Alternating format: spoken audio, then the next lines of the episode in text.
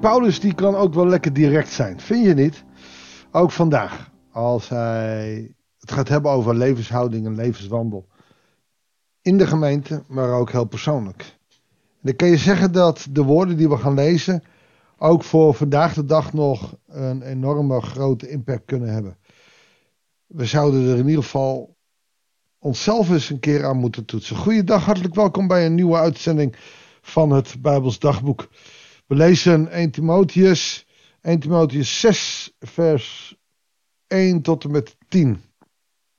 Wie het slavenjuk draagt, moet zijn meester hoogachten, zodat Gods naam en de leer niet worden bespot. Een slaaf die een gelovige meester heeft, mag zijn meester niet zijn respect onthouden, omdat ze broeders zijn. Integendeel, hij moet hem met nog meer inzet dienen.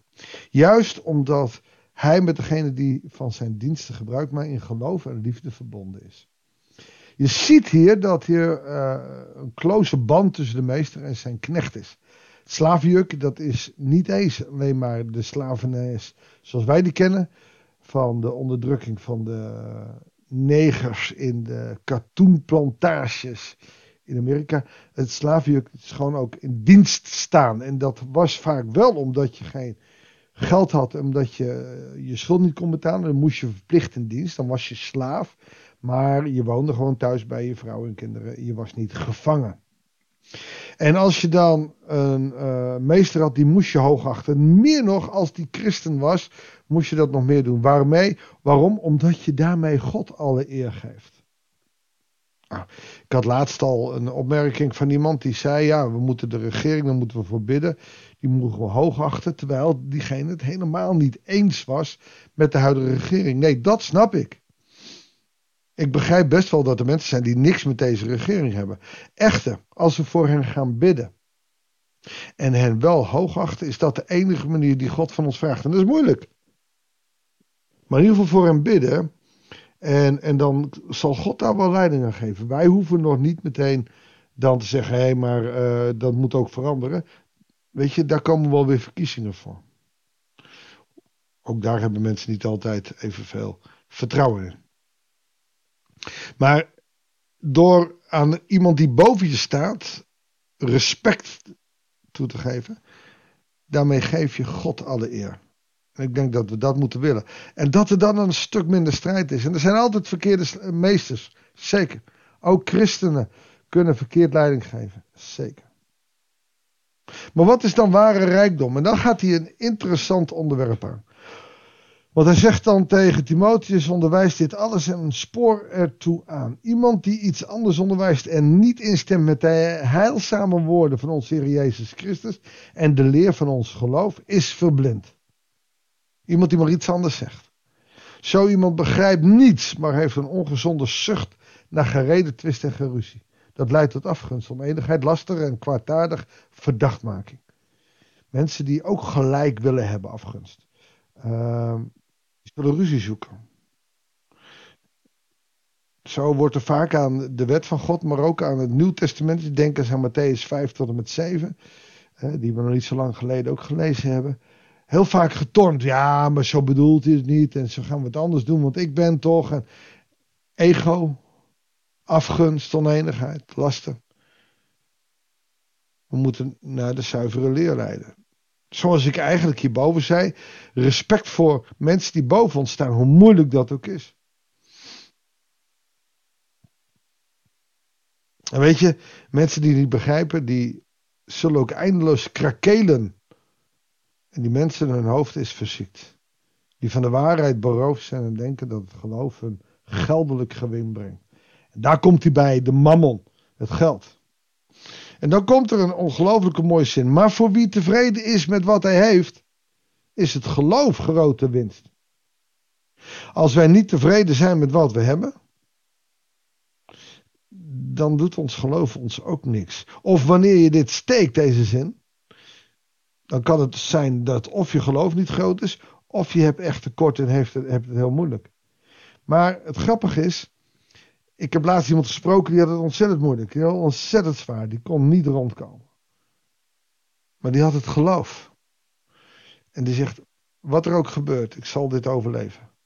En als kerk konden we om hem of haar heen staan. Weet je, dat kunnen we haast niet meer doen met mensen. Waarom niet? Omdat heel veel mensen de kerk achter zich gelaten hebben. En ik snap ook wel dat daar redenen voor zijn. Maar nou gaat het hier niet over armoede. Nou gaat het hier over gewoon mensen die een inkomen hebben. Maar voor wie tevreden is met wat hij heeft. En niet alles nieuw wil. Niet alles grote, groot, grootst wil. En heus, mijn auto staat al een week bij de garage. En ik zou graag willen dat die heel was. En ik zou het liefst een hele nieuwe auto willen. En weet ik veel, ik zou het ook. Maar ik ben tevreden met een mooie auto. Die uh, krassen heeft. En die nu uh, heel veel geld gaat kosten. Maar ik ben blij dat ik sowieso een auto heb. En dan kun je ook dankbaar zijn. Want dan vanuit je geloof leer je ook dankbaar te zijn. En dan is uh, het geloof grote winst. En dan heel nuchter. Wij hebben niets in deze wereld meegebracht. En kunnen er ook niets uitnemen. Je kwam naakt. En je laatste hemd heeft geen zakken. Je zult zonder geld, goud of zilver naar de hemel gaan. Naakt zoals je gekomen bent. Zul je naakt in je ziel voor de troon staan. En dan kan je geld verzameld hebben. En je ziet hier heel veel van prediker terugkomen van het onderzoek. We hebben voedsel, kleren. Laten we daar tevreden mee zijn. Want wie rijk wil worden, staat bloot aan verleidingen, raakt in een valstrik en valt ten prooi aan allerlei dwaze en schadelijke begeerten die een mens in het verderf storten en ten onder doen gaan. Zeg niet, dat overkomt mij niet. Wanneer? Alleen al, uh, er is al lang onderzoek, eh, lang geleden, 80% van grote prijswinnaars, dus rond een miljoen, 80% van die relaties knappen. Geld maakt niet gelukkig. We hebben genoeg nodig en je hebt ook, maar we moeten ook leren tevreden te zijn. Want de wortel van alle kwaad is geldzucht. En dat is duidelijke taal. Geld is, geldzucht is, geld mag je wel hebben, geld heb je nodig. Maar geldzucht, de zucht naar geld. En ik fantaseer daar ook wel eens over. Maar dan zie je dat je nooit genoeg. Heb je dat wel eens gedaan? Stel nou dat je 10.000 euro zou winnen. Wat zou je doen? Ik heb het op categorisatie wel eens gevraagd. Wat zou je doen? Nou, 10.000 euro, dat kan je niet zoveel. Maar stel, nee, laten we het eens even, het is hypothetisch. Stel dat je 50.000 euro krijgt, dan gaan ogen glimmen. Maar een hele nieuwe auto, dan heb je het ook al gauw vernacheld. En dan is het al gauw weg. Stel nou dat je 100.000 hebt. Ja, maar dan kan ik nog geen auto, ja, een auto wel, maar geen huis verkopen. Nee, begin dan met een half miljoen. Dan kan ik een huis kopen. Hoef ik die, kan ik, hoef ik niet, uh, geen hypotheek. Kan ik een auto, maar dan heb ik nog geen spaargeld om. En je ziet dat het steeds meer moet zijn.